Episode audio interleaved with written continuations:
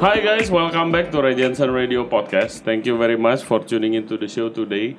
Dan eh, kita hari ini, ini topiknya lagi hangat. Pasti kalian udah pernah lihat atau nonton. Ini eh, basically Chef Gordon Ramsay, eh, world famous celebrity chef, itu baru aja air video eh, episode Uncharted series travel series dia yang ke Indonesia ke Sumatera Barat dan kita di sini mau ngobrol sama Mbak Ade Putri Paramadita dia adalah culinary storyteller. Udah sempat kita podcast juga untuk cerita backgroundnya sebelumnya jadi nonton itu. Dan dia di acara Uncharted ini dia kerja bareng Gordon Ramsay and team eh, sama Umil juga untuk eh, jadi guide and Jadi supir. jadi supir juga ya kan? Nah, jadi eh, episode kali ini pengen ngomongin eh, untuk ke sananya sih kayak gimana sih awalnya itu episodenya bisa kejadian dan Mbak Ade gimana ceritanya bisa sampai involve di acara itu Oke, jadi eh, pertama sebenarnya timnya mereka itu kontak Om William Wongso. Mm-mm. Mereka waktu itu lagi syuting di New Zealand. Hmm. Terus yang salah satu tim yang dari New Zealandnya itu pernah ke Indonesia. Oke Jadi dia kontak Om William, dia tanya, ini kalau misalnya kita mau bawa si tim Uncharted itu ke Indonesia, baiknya ke mana ya? Mm-mm. Itu makanya Om William langsung nunjuknya tuh Sumatera Barat. Hmm. Karena pengen kenalin rendang dan apa pun lah yang ada di sana gitu kan. Oke, iya. Terus eh, si tim ini mereka ternyata harus meeting dulu, present ke Net Geo dan ke Disney karena atasnya Net Geo ada Disney. Oh gitu Yes. Oke Kemudian ya mereka kasak-kusuk. Si Om William waktu itu udah bilang, "Adek, aku dikontak sama ini. Nanti kalau sampai jadi, kamu jadi tim aku ya." Ah, Tim tim tuh eh, kayak fixer gitu bukannya bilangnya Iya, kayak sebenarnya gue ah, seba- eh, sebagai fixer karena ada beberapa jadi yang udah direncanakan, tapi kita belum sampai pembicaraan lebih lanjut karena gue sendiri juga nggak tahu kan kabarnya. mm.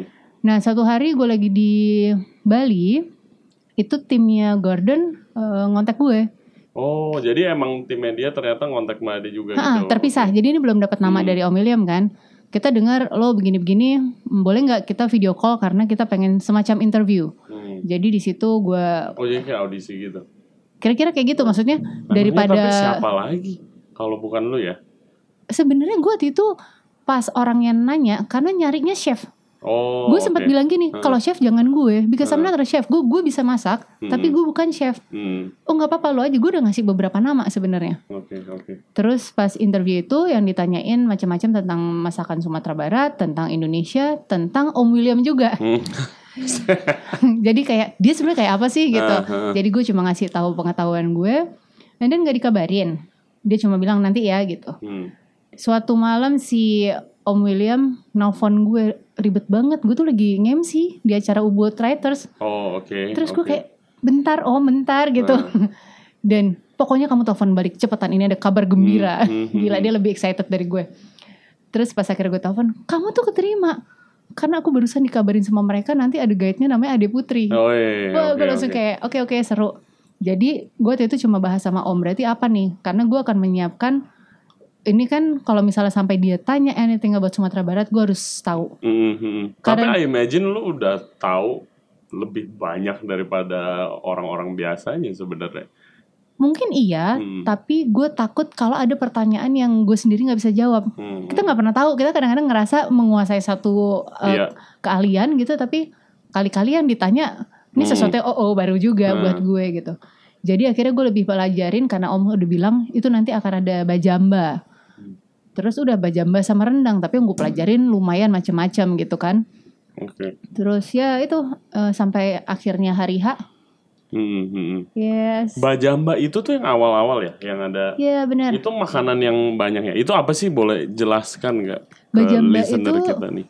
Eh, tradisi makan bersama Hmm. Minang. Oke. Nah kebetulan kemarin dibuatnya itu di Istana Pagaruyong. Oke. Istananya megah banget. Iya, megah banget sih. Iya kan? Yes, iya, iya, Dan iya. itu memang eh, semua perempuan itu yang bawa di atasnya Hmm. kayak yang pikulan itu itu makanan untuk empat satu orang akan membawa makanan untuk empat orang. Oh, terus jadi oh itu jadi yang di-share tuh di Yes, oke. di-share. Oke, oke, oke.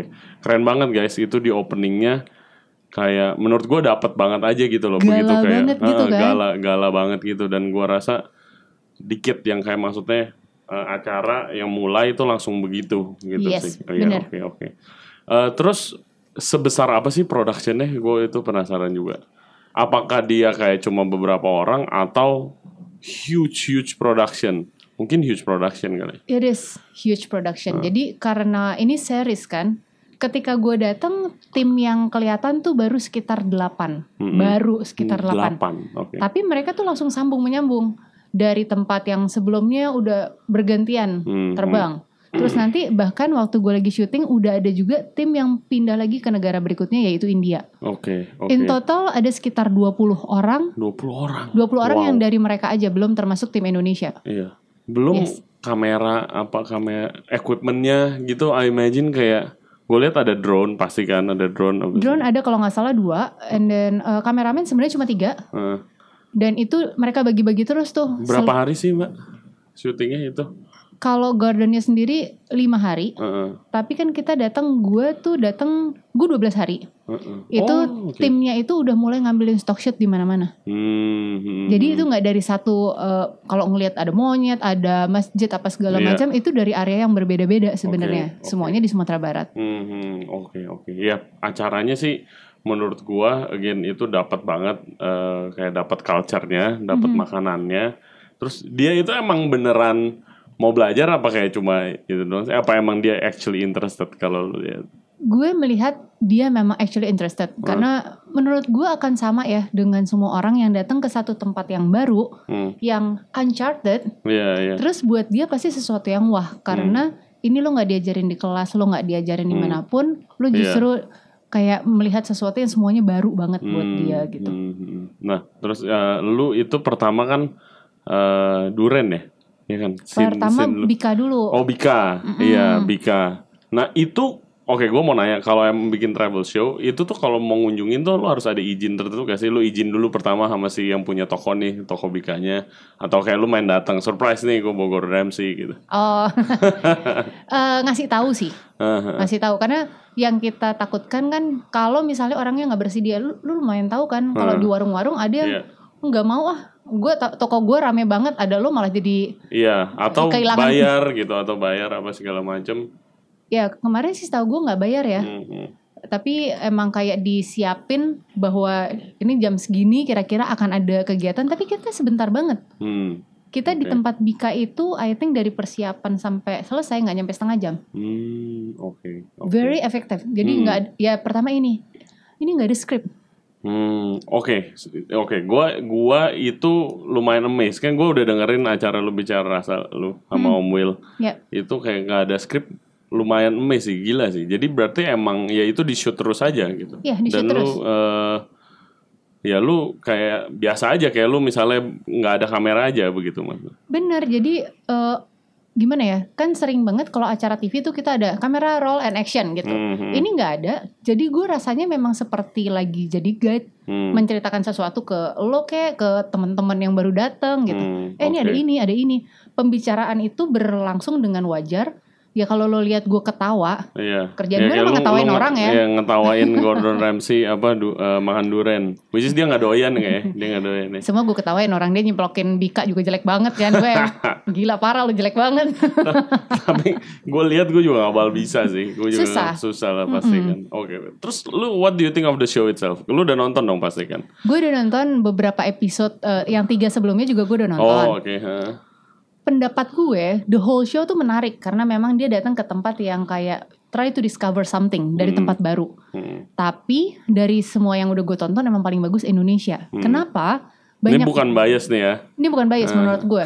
Lo lo bisa ngelihat dari awal sampai akhir itu adegannya tuh memang banyak orang. Jadi Hmm. ya dibuka dengan sesuatu yang gala. Hmm, hmm. Yang tiga pertama sih nggak ada. Oh gitu. Terus udah gitu kegiatan kayak pacu jawi itu nggak ada yang lainnya. Mungkin lo di acara lainnya misalnya dia ma- eh, lagi masak gitu terus di belakangnya ada hipo. Hmm. Dia di belakang sungai. Hipo tuh ngeri banget Iya, loh. iya gila. Jadi gue ngerasain tegang ya. Hah. Lucu sih. Hmm. Tapi kalau ini tegang dan tolol karena lo naik lo pacu jawi Hmm. terus lo jatuh melulu dan diketawain orang satu kampung. Iya iya. Itu oke pacu Jawi itu Heeh. itu di stage gak sih atau emang lagi ada acara pacu Jawi itu? Itu selalu jadi kalau lagi musimnya kayak kemarin itu selalu ada setiap weekend. Oh gitu, Yes. selalu ada. Gue pikir kayak oke kumpulin nih orang bikin di stage gitu pacu Jawi. Soalnya kan Oh. menurut gua kira nggak tiap weekend acaranya. Oh ternyata emang Jadi tiap weekend. eh, itu ada musimannya kalau Hmm. mereka lagi mau tanam mau bajak itu kan kita sambil bajak sawah. Oh oh begitu Eh, jadi- sekalian gitu ya. Pacu Jawi itu menarik banget. Gue baru tahu Heeh, kali itu. Oh ini ternyata bukan balapan sapi dengan sapi tapi lo harus lurus terus cepet dan nggak boleh misah. Nah, Itu sapinya tuh di terpisah sebenarnya. Oke. Jadi lu narok kaki dua kaki. Oh sapinya terpisah juga. Itu- Gila sih. jadi bisa gila mencar. Sih. Iya. ha, ha, ha. Terus itu yang aslinya si joki-jokinya itu kalau misalnya sambil narik terus eh, sapinya lari ke mana gitu digigit buntutnya supaya balik Oh rapat. my god. Jadi Oh giginya my mereka God. tuh sompal-sompal gitu. Gila amazing sih, amazing. Gua pikir itu cuma kayak oke balapan lu paling taruhan gitu loh, bukan bukan kayak lu sambil ngebajak ngebajak sawah Enggak, gitu. ini bahkan nggak taruhan terus kalau sapinya menang itu value-nya jadi 250 jutaan satu sapi, tapi juga nggak Buat akan sapi dimakan. balap, buat sapi balap. Enggak, lebih pride aja. Oh, pride. Oke, ini oke. sih, ini nilainya udah segini gitu. Ah, ah, ah, Oke, oke. oke. Terus si uh, Gordon Ramsay sendiri Mhm. gimana dia kalau lu lihat dia reviewnya kalau begitu dia nyobain rendang, lu bawa dia eh apa ke goa mancing udang, Mhm. iya itu dia gimana? Kayak kalau misalnya dia nyobain daging deh, daging Indonesia yang kualitasnya kan kurang kalau dibandingin sama yang dia itu kan. Mhm. Biasanya kan daging Indonesia lebih alot gitu segala macam. Ya, ya. Gue pas ngegigit kayak wah dia bilang alot nih, nah dia bilang alot nih. Jadi eh, gue pas bagian makan rendang sebenarnya dia sama Om, bukan Hmm. adegan sama gue. Jadi gue nggak tahu. Mhm. Tapi kalau gue pribadi ya Hmm. akan bilang bahwa untuk bikin rendang emang mendingan daging Indonesia nggak? Hmm, iya Lo kan memang benar sebenarnya iya. 8 jam Hmm, gitu. hmm. Kalau lo kasih daging yang kayak Iya. Australia gitu-gitu, Hancur lodoh. Hancur. Iya, iya, iya, iya. iya. Oke, oke, oke. Nah, eh men, apa menurut lo akan ada efek positif apa nih acara ini buat misalnya kuliner Indonesia dan gastronomi Indonesia deh? kalau menurut gue kemarin-kemarin ini kan sebenarnya ya belakangan ini juga Hmm. semua chef di seluruh dunia tuh udah mulai melihat Asia, Hmm, termasuk juga Indonesia. hmm, Tapi ini adalah salah satu yang kayak eh, jalan dibukakan jalan karena lagi dikasih stage, dikasih eh, Iya. spotlight heeh. karena acaranya acara internasional dan termasuk acara yang paling ditunggu-tunggu. Iya, iya. Jadi iya. menurut gue ini bisa jadi kendaraan kita untuk nih ngenalin lagi yang lainnya. Hmm, Karena hmm. kan nggak cuma nggak cuma Sumatera Barat, iya betul. ada masih banyak yang lain gitu. Betul, heeh. Mhm. dan kayak bisa yang beda banget gitu loh Indonesia kan. Kalau lu bawa kalau lu bawa misalnya kemarin acara itu di Bali, Mhm. kayak beda beda jauh banget kan. Beda iya, jauh. beda jauh banget iya. iya. Even dia kalau misalnya kita bawa ke Medan aja bisa beda jauh. Ha, ha, ha, yang deket gitu ya. Oke Mm-mm. oke. Dan lu sebagai kan lu very involved di Acmi, Ya. gitu kan. Lu berasa dong kayak oh jadi ternyata ya ini karir gua kayak akhirnya membawa gua ke sini nih gua jalan-jalan keliling-keliling Indo. Lu berasa berasa begitu gak? Eh, sangat, karena Hmm. memang yang awalnya gue membuat apa ya, kayak nabung, nabung tuh nggak pernah jadi sesuatu, cuma Hmm. ada tiket doang buat pergi jalan-jalan gitu. Hmm. Itu artinya jadi bentuk investasi yang lo Iya. lo baru ngerasain itu sekarang gitu. Iya iya Ah, iya. Dari yang tadinya beli, mungkin sekarang orang udah mulai support. Oke, lo gue bayarin pergi ke mana untuk cari tahu tentang sesuatu Oh, ya gitu. itu paling sip sih, paling enak sih Mhm. kalau udah begitu kan. Oke, kalau misalnya orang mau jadi kayak lu gimana dong? Pertama, oke, sorry, sorry, gue potong dulu. Jadi eh, guys, ini banyak banget yang nanya eh, teman-teman ataupun di DM Mhm. eh, setelah nonton episode kita Mbak Ade yang sebelumnya itu kayak Mbak Ade tuh kerjanya ngapain sih gitu? Uh, culinary storyteller tuh ngapain sih gitu? Gua mencoba menjelaskannya ya dia culinary storyteller jalan-jalan makan menceritakan belajar dan research gitu. kalau gua gua taunya itu tapi gua lu kan lebih dari itulah gitu kan pasti coba lu jelaskan lebih bagus lah Penjelasan lo barusan udah lumayan sih. Eh, ya basically memang yang gue lakukan itu, tapi kalau ditanya dalam bentuk apa bisa Hmm. macam-macam. hmm. Gue selain ngasih workshop bagaimana menulis, bagaimana bercerita tentang makanan, hmm. misalnya kayak Kementerian Pariwisata lagi mau bikin, eh, oke ini food tour tuh seperti apa, Hmm. itu pasti gue akan memberikan pengetahuan gue apa yang bisa dibagi.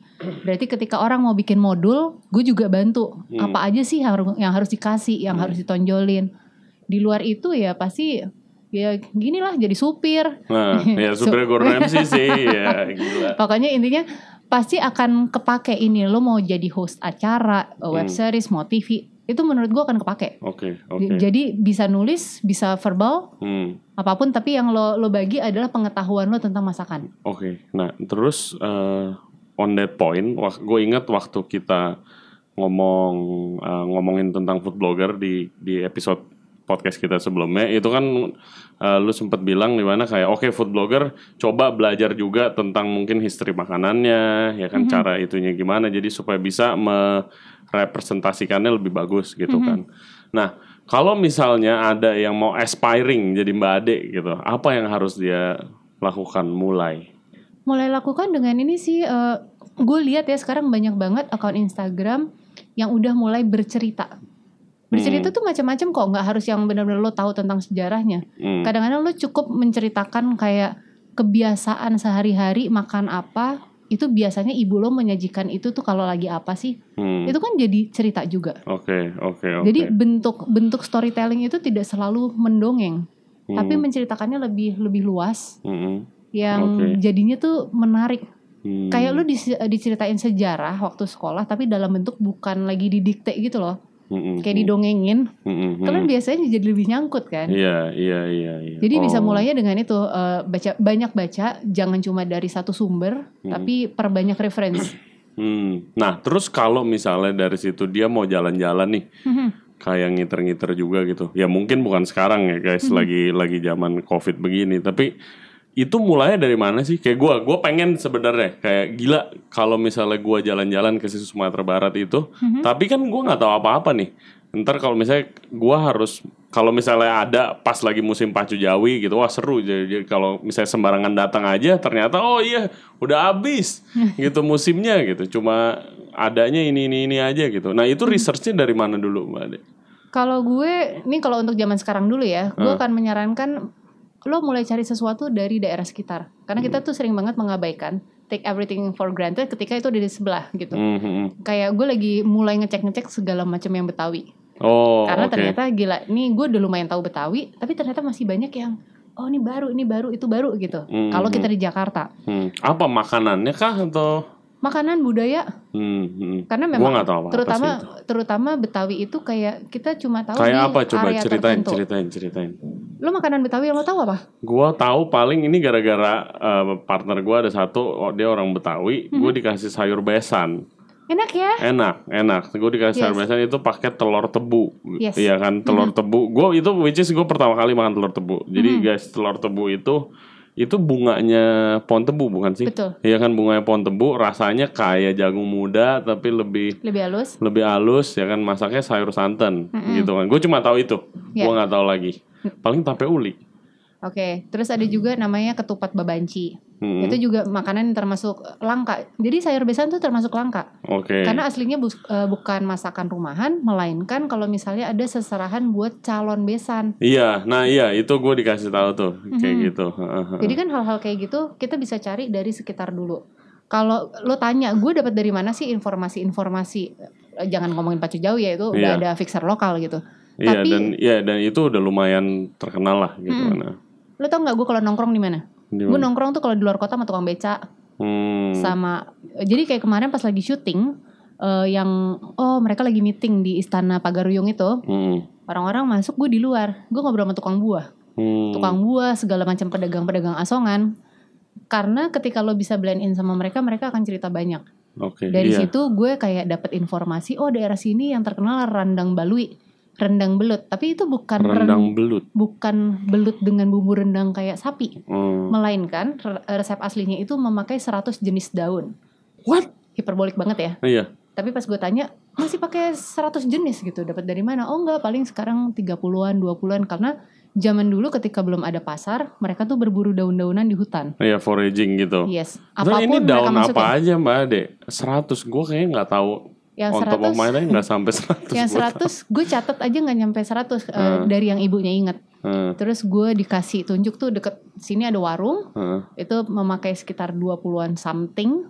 Itu ada daun jeruk daun apa namanya daun kunyit daun Hmm. segala macam daun. Ada termasuk pete Cina melandingan. Oke, eh, itu oke. ada. Jadi kalau lo makan wangi banget rempah banget. Iya. Belutnya juga cuma sedikit, banyak Jadi daunnya. hijau gitu warnanya. Hijau kecoklatan. Namanya apa tadi? Sorry. Randang balui. Randang balui. Dalam dalam bahasa Padang artinya rendang belut. Oke, oke. Wow, wow, wow. Menarik Very- banget gitu kan. Menarik banget sih. Terus yang gua eh, gua sangat tertarik pengen nyobain yogurt yang terakhir di itu. Oh. Gua baru tahu. Ya, gua ya. baru tahu ada susu kebo terus kayak difermentasi di bambu jadi yogurt. Yes. Men, itu menurut gua kayak itu jauh banget dari makanan Indo di kepala gua ya. Ya ya. Di kepala gua. Ya. Ini gue cerita tentang itu ya. Jadi ini hanya susu kerbau mentah Hmm. ditaruh ke bambu terus ditutup. Aslinya ditutup pakai daun pisang atau apa pun Heeh. tanpa ditambahkan bakteri apa pun. Hmm, Jadi nah iya itu dia. Enzim-enzim dari bambu yang bikin dia jadi curdy. Heeh. Karena kalau misalnya dicoba pakai susu kerbau, eh susu sapi atau susu kambing, dia dia lumayan set tapi nggak se curdy kalau ini si dadia. Hmm. Terus biasanya mereka Dadiah ya. disebutnya Dadiah. dadia. Terus bisa eh, biasanya mereka itu makan dengan ampiang, yaitu apa namanya kayak ketan, beras ketan yang masih sangat muda, ditumbuk. Jadi bentuknya kayak sereal gitu. Hmm. Terus diseduh sebentar pakai air, Hmm. terus baru dikasih si dadia, dikasih gula merah. Oh basically kayak cereal oatmeal kayak begitu lah ya. Yes. Wow, Lucu wow. banget. Iya, rasanya kayak gimana sih? Jadi- Asem banget kah Nggak. atau kayak Asamnya very subtle, jadi nggak seperti yogurt iya, sebenarnya. heeh. Dan itu memang kenapa lu susah dapetnya, dia nggak ada di kota Padang, dia di Bukit Tinggi Jadi ada di beberapa. sana pun susah gitu ya. Eh, ter- tergantung area karena orang di Padang, kota Padang nggak bikin itu, Hmm, daerah oke. tertentu aja. Oke, oke. Terus kalau balik lagi ke tadi yang kayak kalau misalnya lu ngiter-ngiter nih, Mhm. gue penasaran karena gue mungkin one day kalau ini udah normal semua gue pengen nih gitu kayak sekarang kan lumayan ada banyak free time nih Mhm. ya kan Eh, karena restoran gue tutup ya. Ya. jadi kayak kalau misalnya gue mau research trip nih Mhm. ke area mana gue tanya lu gitu kan paling terus ke sini gitu itu biasanya lu ngiter terus habis itu hotelnya lu pindah-pindah juga apa apa bagaimana sih Gue sih biasanya iya pindah-pindah. Hmm, oke oke Kalau misalnya let's say gini dulu gue pernah road trip Sumatera Barat, Hmm, gue cuma nginep sekali, terus gitu karena gue sewa mobil dan gak mau pakai supir ya. heeh.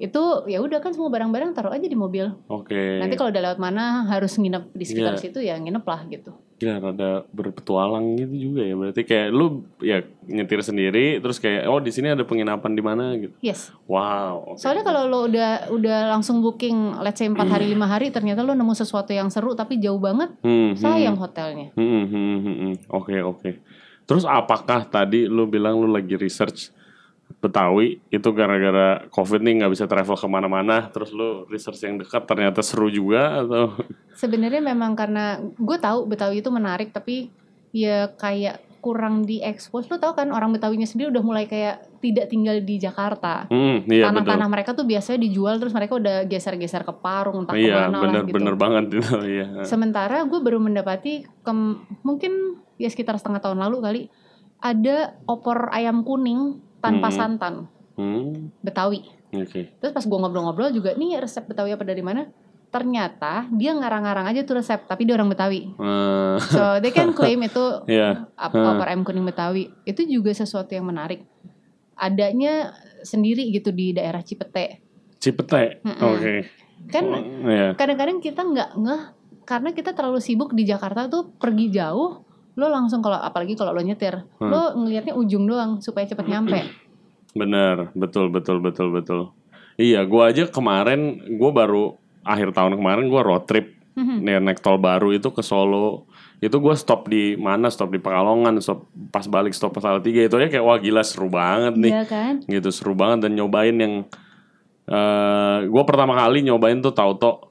Oh oke Iya ha. kan, gua jujur kurang cocok kalau gua. Iya, gua iya. tau kayak menurut gua rada rada aneh gitu Yes. kan. Tapi seru banget gue nyobain beberapa spot gitu kan, gila Hmm. sih seru banget. Gitu.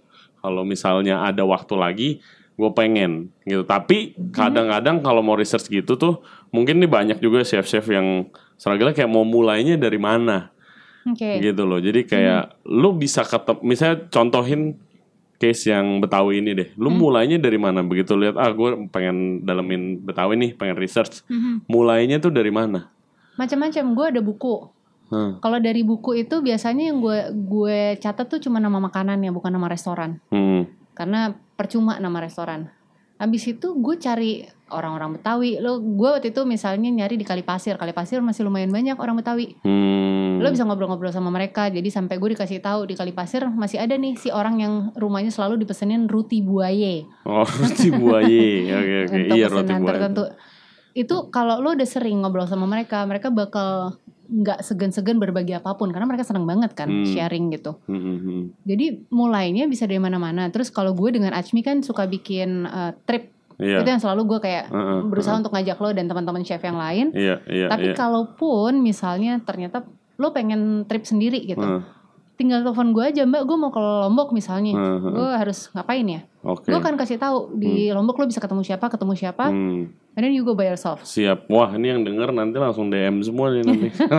Nggak tapi kalau menurut gue, gue pengen banget semua orang tuh resourceful, tahu Hmm. tahu sumber yang tepat gitu terus bisa karena kan gue bilang kan kalian yang masak. Iya. Jadi kalau kalian abis dapet ilmu terus kalian bikin interpretasikan versi kalian, Heeh. gila ini akan lebih keren karena Iya. orang tuh datang ke tempat kalian nggak belajar masak sendiri. Heeh, heeh, heeh. Ngerti, ngerti, ngerti. Oke, oke, oke. Dan kalau eh, oke balik ke acara Uncharted ini nih, kayak eh, one of the most interesting point di eh, bicara rasa lu itu adalah eh, waktu Om Will bilang, eh, ya waktu itu rendang pernah eh, dapet apa number one apa gitu segala. Kita juga ngomongin juga tuh kan Iya. waktu podcast. Ya itu kalian pasti semua udah tahu kan guys yang itu. Tapi Indo nih ngapain abis itu? Gitu kan. Terus dia bandingin kalau nggak sama Laksa Malaysia ya kemarin. Eh, yang apa di Jakarta Post aja post Laksa dapat nomor 7 padahal kita yang nomor satu tapi nggak ngapa-ngapain gitu. Yes. semoga sekarang dengan ada platform yang besar menurut gua belum pernah ada yang segede ini sih yang expose Indo kalau menurut gua. Dengan semegah ini terus habis itu mainstream chef yang terkenal banget juga gitu. Eh harus ngapain sih kita sebenarnya selanjutnya? Apa yang bukan harus ngapain apa yang bisa kita lakukan semua supaya nggak diem aja nih? Yang bisa kita, gue yakin semua orang tuh melakukan eh, sesuatu untuk mempromosikan masakan Indonesia, tapi kerjanya sendiri-sendiri. gue Iya sih. sendiri, Achmi sendiri, Hmm. entah gerakan apa pun sendiri, chef-chef sendiri. Hmm. Yang kalau misalnya pemerintah bikin ada satu, ini ya sekarang eh, masakan Indonesia yang dimajuin apanya dulu? Apakah sate dulu supaya setiap orang bisa bikin satenya masing-masing? Hmm. But the point is sate. Iya, Atau sate aja ada berapa ribuan Iya kan? Atau dia misalnya mau bikin soto, tapi dikasih tahu dari awal. Jadi seperti guideline. Hmm. Semua orang boleh ngerjain versinya masing-masing, tapi satu satu jenis Iya, heeh, heeh, heeh. itu sih yang perlu dilakukan. Oke. Karena kalau misalnya bareng, orang langsung lihat gitu. Oke, oke, oke, oke. Mhm. Jadi ya harus lebih sistematis. Gue pikir Acmi yang makan begitu, Yang apa? yang akan begitu. Nggak bisa cuma Achmi. Hmm, Karena karena menurut gue yang paling didengerin tuh sebenarnya pemerintah. hmm, hmm, hmm. Lo lo harus kerjasama. Ini pun bukan cuma dari satu kementerian Kemenpar misalnya, dari rame-rame. Hmm, Berarti kalau misalnya kita ngomongin tadi sate, eh, si Kemenpar bikin apa, Kementerian Perdagangan bikin apa, misalnya untuk support eh, bumbu-bumbunya, hmm, oke, Kementerian oke. Luar Negeri ini itu tuh harus bareng. Oke, oke, oke. Well, eh, oke. Jadi dengerin ya guys, itu jangan malu-malu untuk belajar Indo. Pertama, gue dari dari gue upload kayak gue upload, oke Gordon Ramsay lagi di Indo, itu aja banyak yang kayak, oh kalau mau mulai belajar makanan Indo gimana, gimana chef, gimana mulainya, gimana mulainya. Kayak ayah akhirnya at least ada apa ya, ada excitement lah yang Yes. mulai gitu kan. At least, at least that sih kalau menurut gue. Dan eh, mungkin lo ada proyek berikutnya yang mau di-share ini sebelum kita tutup Mbak Ade? Proyek berikutnya belum bisa dirilis Oh belum aja. belum bisa Belum di-share. sign kontrak bos. Oke oke Mbak Ade thank you banget ya Ya, udah you. udah mau datang ke sini. Eh, Sama-sama. udah jauh-jauh juga. Eh, thank you thank you kalau sorry kalau ada salah dan merepotkan. Kayak lebaran nih. Oke, uh, guys, thank you very much uh, for listening to our podcast today. Oh iya, sorry, sorry, sorry. Kita uh, ini uh, lagi ada kerjasama. Sorry, sorry. Jadi uh, guys, for information, ini sekarang kita lagi di tempat di kantornya Le Cordon Bleu. Itu sekolah gua dulu. Uh, Le Cordon Bleu. Uh, jadi kalau yang lagi mau planning sekolah masak, jangan lupa uh, Cordon Bleu paling top. Oke. Oke, oke. Ta- Thank you banget untuk Cordon Bleu. Eh, khususnya Cordon Bleu kantornya udah dipinjemin. Terima kasih banyak, Ton. Terima kasih banyak, semoga sukses. Eh, Mbak Ade, thank you lagi. Guys, thank you very much. Jangan lupa like and subscribe di YouTube channel kita, Ray Jensen Radio. Kita juga ada di Spotify, Apple Podcast, kita juga ada di Google Podcast dan Anchor App. Eh, follow Instagram Mbak Ade, Miss Hot Rod Queen. Itu apa sih artinya? Itu nama nama motor, Hah? nama motor Oh nama yang motor, oke Miss Hot Rod Queen atau Instagram gua di Ray Jensen atau Ray Jensen Radio. Oke guys, thank you very much. We'll see you next time. Bye bye.